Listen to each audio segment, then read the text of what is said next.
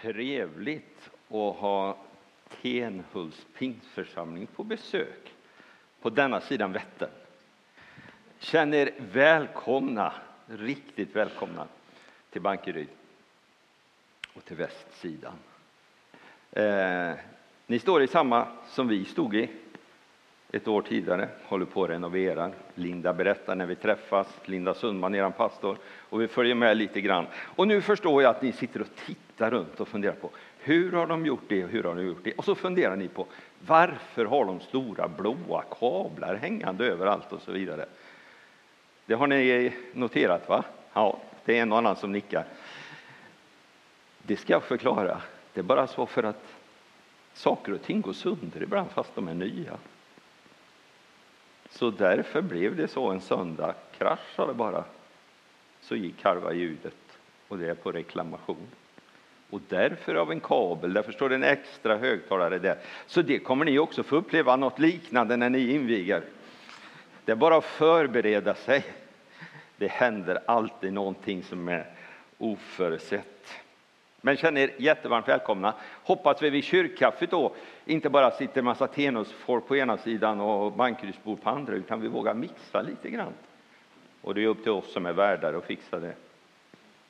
Så välkomna. Under februari och mars har vi valt lite bibeltexter från Nya testamentet, framför allt från Markus, även om jag bryter mönster lite idag. Där Jesus har gjort uttalanden där han säger till exempel att för människor är det omöjligt, men inget är omöjligt för Gud. Eller där han talar tydligt om förlåtelse. Eller vi kommer att titta på givandet. Ge Gud vad han ska ha och kejsaren vad han ska ha. ska Martina predika om nästa söndag. Om sanning och så vidare. Och idag har jag landat i en text som vi strax ska läsa. Men där Jesus säger så här i en sekvens. Jag är livets bröd. Den som kommer till mig skall aldrig hungra och den som tror på mig skall aldrig någonsin törsta. Ord av Jesus med ett enormt anspråk och väldigt, väldigt stora luften i den här texten. Tänk, den som kommer ska aldrig hungra och aldrig törsta. Orden är hämtade från Johannes evangeliets sjätte kapitel och jag ska bara försöka sätta det in i sammanhanget lite grann. Det sammanhanget präglas av polemik, alltså diskussionerna går fram och tillbaks. Man argumenterar, det är inte bara ett uttalande och så ska alla köpa det. Och det är ganska gott att Bibeln är på det sättet, att du och jag får argumentera och fundera framåt. Nyckelordet i det textsammanhanget är liv eller livet, vilket också är hela nyckelordet för Johannes evangeliet. Jesus argumenterar på olika sätt för livet. Och kulmen är på något sätt när Jesus säger Jag är livets bröd. Alltså, själva grundförutsättningen för livet. Och när Jesus säger det här att jag är livets bröd så är det ingen liten lektion om vett och etikett hur du och jag någorlunda bra ska uppföra oss i livet. Det handlar om något helt annat, något mycket mer grundläggande. Det handlar inte om det som du och jag kan bygga upp på egen prestation eller med vår förträfflighet, utan det handlar ju faktiskt om vad han kan göra i mitt och ditt liv. Jag är livets bröd. Det här sjätte kapitlet som vi strax ska läsa ur inleds med berättelsen om när Jesus förvandlar fem bröd och två fiskar så att det räcker till åtminstone 5 000 personer, kanske 20 000. Det inleds med en diskussion mellan Jesus och lärjungarna där Jesus liksom sitter på berget och så ser han hur människor kommer och kommer. Och så säger han till dem, ja, hur ska vi nu bära oss åt för att köpa en bit bröd till var och en som kommer? Säger han till lärjungarna. Och så börjar de att fundera, lärjungarna, och Filippo säger, ja, om vi hade 200 denarer, alltså en årslön till vårt förfogande, för en arbetare på den tiden så skulle det nog inte räcka. Då kommer Andreas fram, en annan lärjunge till Jesus, och så säger han, det här har jag funnit. En grabb som har fått en matsäck med av mamma med fem små kornbröd, så här små, och två fiskar. Och så lägger Andreas Bibelns skönaste kommentar. Men varför slår det för så, till så många? Ganska realistiskt.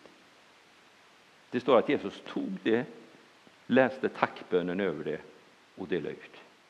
Det är inledningen på den här sekvensen. Det där brödet kommer in i Bibeln.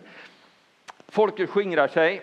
Jesus säger till lärjungarna, det börjar bli kväll, ta båten och förflytta er till andra sidan av Tiberias eller Galileiska sjön. Jag blir kvar på den här sidan. Lärjungarna sätter sig i båten, och försöker åka tillbaks. Och fram på natten så kommer Jesus gående på vattnet och möter lärjungarna, kliver i båten och de kommer över. Det är bakgrunden till det sammanhang jag ska nu läsa för er. Och det här sammanhanget utspelar sig då dagen efter de här två dramatiska händelserna. Bröder som räckte till alla, Jesus har gått på vattnet. Människorna som var med har hunnit att reflektera och fundera lite grann. Och så kommer den här texten. Och det är när människorna alltså på dag nummer två kommer för att möta Jesus. Johannes evangeliet sjätte kapitel och 22 vers. Nästa dag upptäckte folkmassorna som var kvar på andra sidan sjön att det bara hade funnits en enda båt och att Jesus inte hade följt med sina lärjungar i den utan hade, de hade gett sig av ensamma. Men de andra båtar från Tiberias kom och lade till nära platsen där man hade ätit brödet, det som Herren hade läst tackbönen över. När folket nu upptäckte att Jesus inte var där och inte hans lärjungar steg de båtarna och for över till Kafarnaum för att leta efter Jesus. De fann honom där på andra sidan sjön och frågade honom Rabbi, när kom du hit? Jesus svarade Sannerligen, jag säger er, ni söker inte efter mig därför att ni har fått se tecken utan därför att ni åt av brödet och blev mätta. Arbeta inte för den föda som är förgänglig utan för den föda som består och skänker evigt liv som Människosonen ska ge er. Ty på honom har Fadern Gud själv satt sitt sigill. De frågade då, vad ska vi göra för att utföra Guds verk? Jesus svarade, detta är Guds verk, att ni tror på honom som han har sänt. De sade, vilket tecken vill du göra så att vi kan se det och tro på dig? Vad kan du utföra? Tänk, han har förvandlat brödet, han har gått på vattnet. Men vad kan du utföra? Våra fäder åt manna i öknen, så som det står skrivet. Herren gav dem bröd från himlen att äta.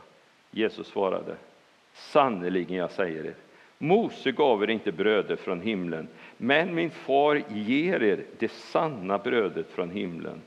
Guds bröd är det bröd som kommer ner från himlen och ger världen liv. De bad honom då, Herre, ge oss alltid det brödet. Jesus svarade, jag är livets bröd. Den som kommer till mig skall aldrig hungra och den som tror på mig skall aldrig någonsin törsta. Jag är livets bröd.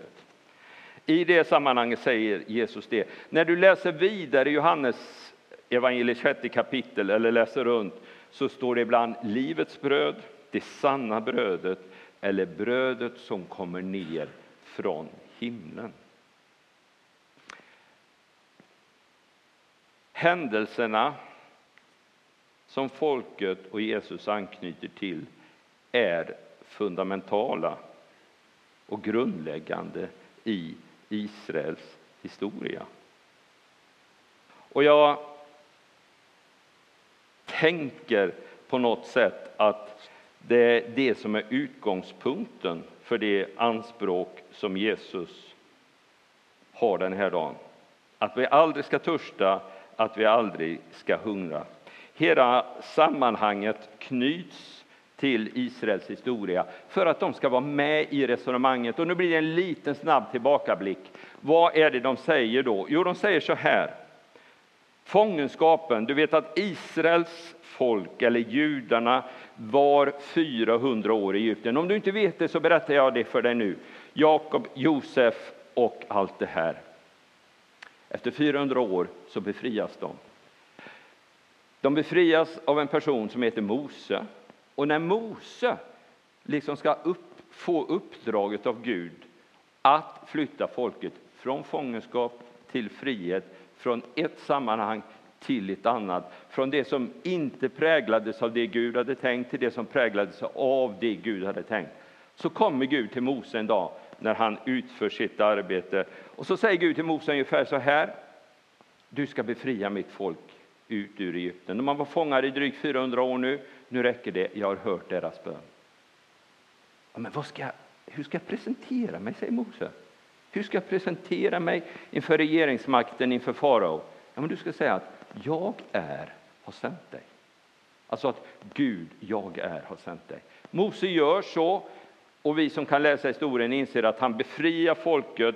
De får gå ut ur Egypten och vandra till Israel. På vägen till Israels land så händer det saker och ting. De ska gå 40 år i öknen, blir konsekvensen. Under den tiden så är deras föda mannat från himlen. Alltså det bröd som kommer ner och lägger sig, eller de korn som lägger sig varje morgon, som de kan samla ihop och äta av. Det är de här händelserna som man knyter an till. De här händelserna är oerhört centrala i varje israelits liv, i varje judes liv. De kan händelserna. De vet att yes, det här är det. Och då funderar jag på, vad vill då Jesus kommunicera när han säger att jag är livets bröd? Ja, det första som jag tänkte på när jag läste det, det Jesus vill säga egentligen att jag är själva fundamentet i livet.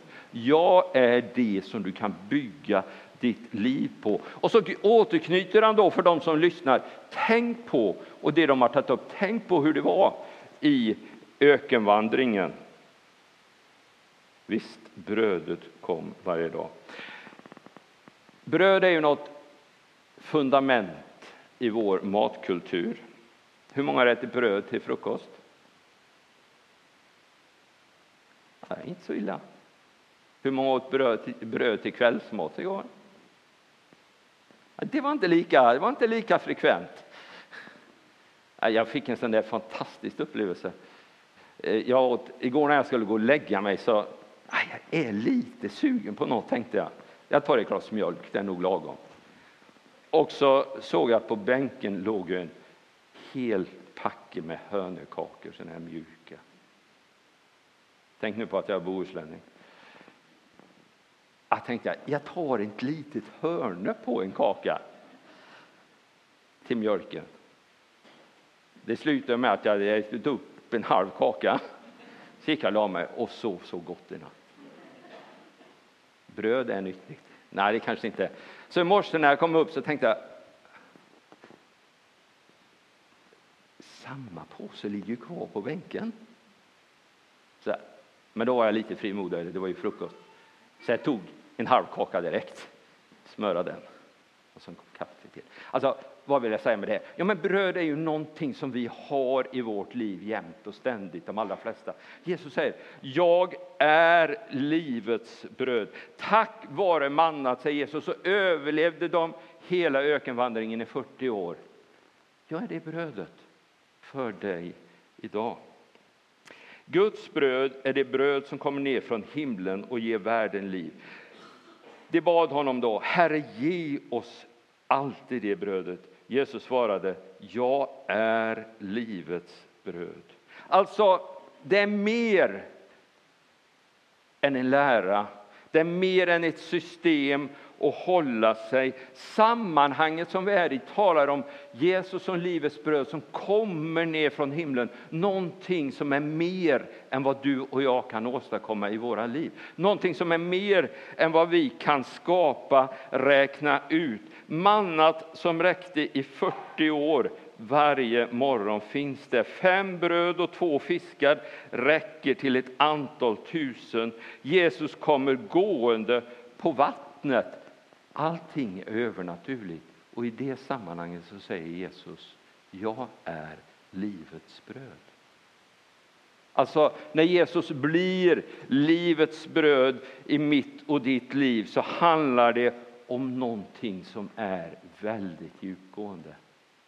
Det är svårt att gå förbi det som händer en liten tid efter bibeltexten, nämligen Jesu död och uppståndelse. När Jesus liksom ger sitt liv för att överbrygga det avstånd som finns mellan Gud och människa, som kallas synden. När han tar den i sin kropp, när han dör, när han uppstår och när han lever igen. Det är ju det som livets bröd gör. Att födas in i en relation med Fadern, att få grunden i livet. Paulus skriver i Korinthierbrevet, ingen kan lägga en annan grund än den som redan finns och den är Jesus Kristus. Alltså livets bröd, någonting fundamentalt i våra liv. Jag tänker att livets bröd också handlar om tillgängligheten. När Jesus säger jag är livets bröd så handlar det om tillgängligheten. Att alltid finnas där, vill Jesus. Jesus understryker detta genom att använda egentligen två parallella uttryck i texten. Den som kommer och den som tror. Den som kommer är den som tror och den som tror är den som kommer. Flera gånger i texten så talar Jesus om tro. Hur blir Jesus livets bröd i mitt liv? Ja, men han blir det genom tron. Inte genom prestationen, inte genom min egen förträfflighet och leva någorlunda schysst på Trökagatan i Bankeryd. Inte köra för fort när det är 40, inte fiffla för mycket med skatten, inte... Nej! Han blir inte livets bröd på det sättet. Han blir livets bröd genom tron som förvandlar mitt liv. De frågade vad ska vi göra för att utföra Guds verk? Jesus svarade detta är Guds verk, att ni tror på honom som, har sänt, som han har sänt. Vers 40. Ty detta är Faderns vilja att alla som ser Sonen och tror på honom ska evigt liv och jag ska låta dem uppstå på den sista dagen. Vers 47. Sannerligen säger den som tror har evigt liv. Jag är livets bröd. Alltså tillgängligheten. Brödet talar om att Jesus vill finnas där jämt och ständigt genom tron. Det är möjligt att nå fram. Ja, när jag läste om livets bröd här en dag så tänkte jag ja, men det handlar om själva grunden i livet. Det handlar om att Jesus vill vara grunden. Det handlar om att den grunden är tillgänglig för mig genom tron på honom. Den blir en del av mitt liv. Och det här tänker jag, brödet för det tredje talar om någonting som finns varje dag. Jag har redan sagt det där om frukost och funderat. Alltså livets bröd, vi använder i stort sett bröd varje dag. Brödet är en färskvara. Jesus lär oss att be, giv oss idag vårt bröd för dagen som kommer. Eller giv oss vårt bröd idag, i Fader vår.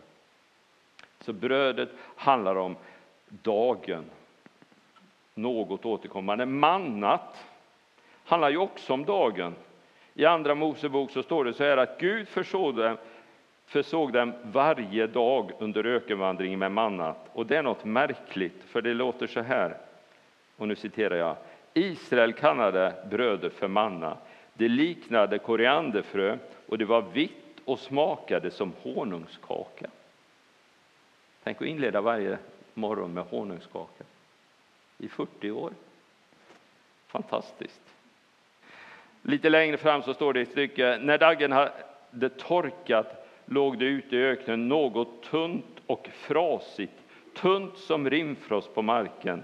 Och när israeliterna såg det frågade vad är det här eftersom de inte visste vad det var. Moses sa till dem, det är den mat som Herren ger er att äta var dag. Det var åtminstone frasigt.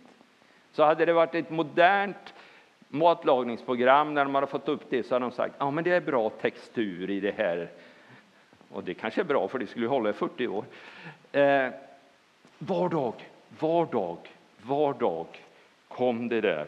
Mannat var dagligt, Gud hade lovat det. Det fanns ett mått som de skulle samla in och äta upp på samma dag. Och jag tänker, det ligger väldigt mycket i den här bilden. Att Jesus vill vara mitt dagliga bröd.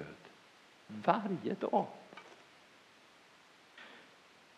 Inte bara ibland, utan ständigt. Att min reaktion i livet och mitt tankemönster är var dag söker jag dig, Jesus.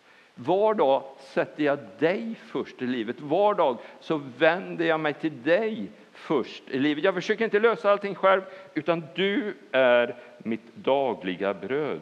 Att han vill vara först. Tre funderingar alltså utifrån det där bibelordet och så ska vi byta bibelord Magnus och så ska vi ta en fundering till. Men de första var livets bröd är fundamentalt. Livets bröd är tillgängligt genom tron för mig och dig. Livets bröd gäller varje dag. Jesus säger så här mitt i sammanhanget. Arbeta inte för den föda som är förgänglig utan för den föda som består och skänker evigt liv som Människosonen ska ge er. Du, mannat var ju fantastiskt. Tänk smaka som honungskaka eller som semla, står det i någon översättning i dessa tider. Eh, det var frasigt, det var bra, men det var tidsbegränsat. Det var tidsbegränsat. Det handlade om att ta sig igenom öknen och där upphörde mannat. Mannat handlar ju liksom om den fysiska överlevnaden. Det åt och tog sig genom öknen. Men den här bibeltexten handlar mer än om min tillvaro på den här jorden. Den här bibeltexten sträcker sig betydligt längre. Och hungern och törsten, det är inte i första hand ett glas mjölk och en bit hörnekaka på kvällen och kaffe och hörnekaka på morgonen. Utan törsten och hungern, det är ju det som finns på insidan av mig och dig. Det är ytterst det Jesus visar på. Det är ytterst det han säger är livets bröd. Och då säger han så här, arbeta inte för den föda som är förgänglig, utan för den som är oförgänglig.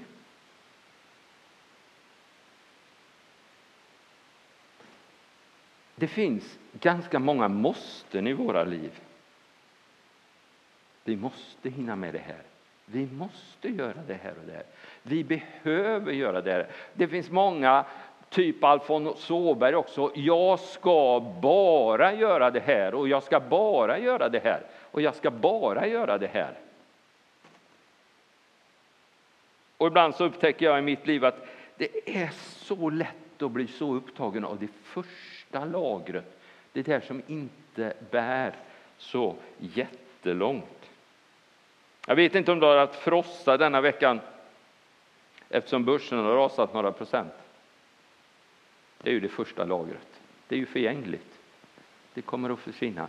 Men tänk vad många som har lagt så oerhört mycket energi den här veckan på att börsen har fallit. Och det är ju i och för sig tragiskt. Eller? Så tittar man på apparna, så går man in på Avanza så ser man oj, rutt igen, rutt igen, rutt igen. Det var bara en bild. Det finns ju hur många sådana här första lager som helst. Och så tar det hela energin när Jesus säger arbeta för den föda som består och skänker evigt liv istället. Det är den som Jesus vill vara livets bröd för.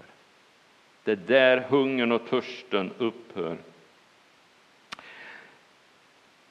De senaste åren, vet inte om det är någon åldersnoja eller någonting, eh, så har jag funderat mer och mer på det här, hur arbetar jag på det som inte är förgängligt?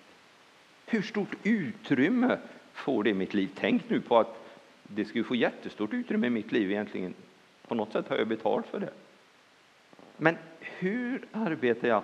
Ja, men det är ju så mycket som lägger sig emellan. Hur mycket tid sätter jag av av mitt liv i relation med Jesus Kristus? Hur mycket av min tankekraft ägnar jag åt det som kommer framöver, det som Bibeln beskriver som det eviga i förhållande till det jordiska?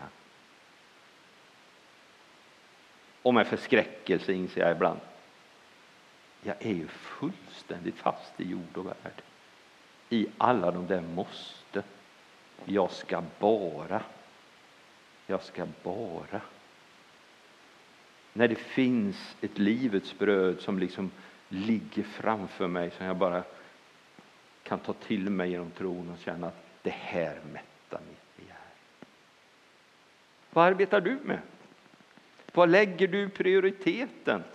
Vad är det som pockar på? Är det alla måsten eller är det just det här? Den föda som inte är förgänglig.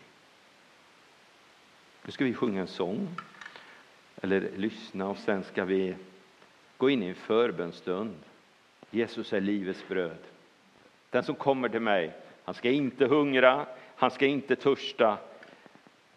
Det finns en mättnad i Jesus.